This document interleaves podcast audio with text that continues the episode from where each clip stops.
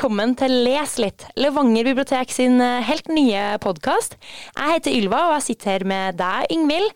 Og Ingvild, eh, hvorfor skal vi ha podkast? Vi skal ha podkast fordi vi fikk midler fra Nasjonalbiblioteket i høst om å prøve ut nye metoder for aktiv formidling, og da landa vi på podkast. Og aktiv formidling vil jo si å snakke litteraturen ut av bokhyllene og få det ut til folket.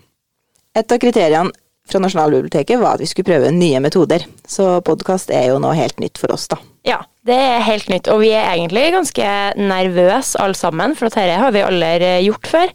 Men uh, tirsdag 6. april, da slapper vi den første episoden. Og etter det så skal vi slappe én episode i vekka. Ja, det er vårt hårete, hårete mål, ja. så vi satser på at vi klarer det. Ja, det må vi få til.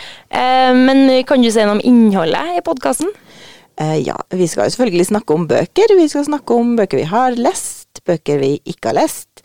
Eh, og vi skal snakke om bøker vi ikke har likt, og bøker vi har likt, f.eks. Eh, vi kommer til å ha snakk om film og musikk, og ellers om ting som, som skjer i biblioteket, da.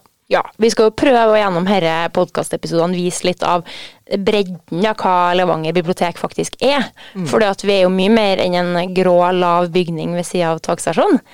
Ja. og vi er mye mer enn bøker.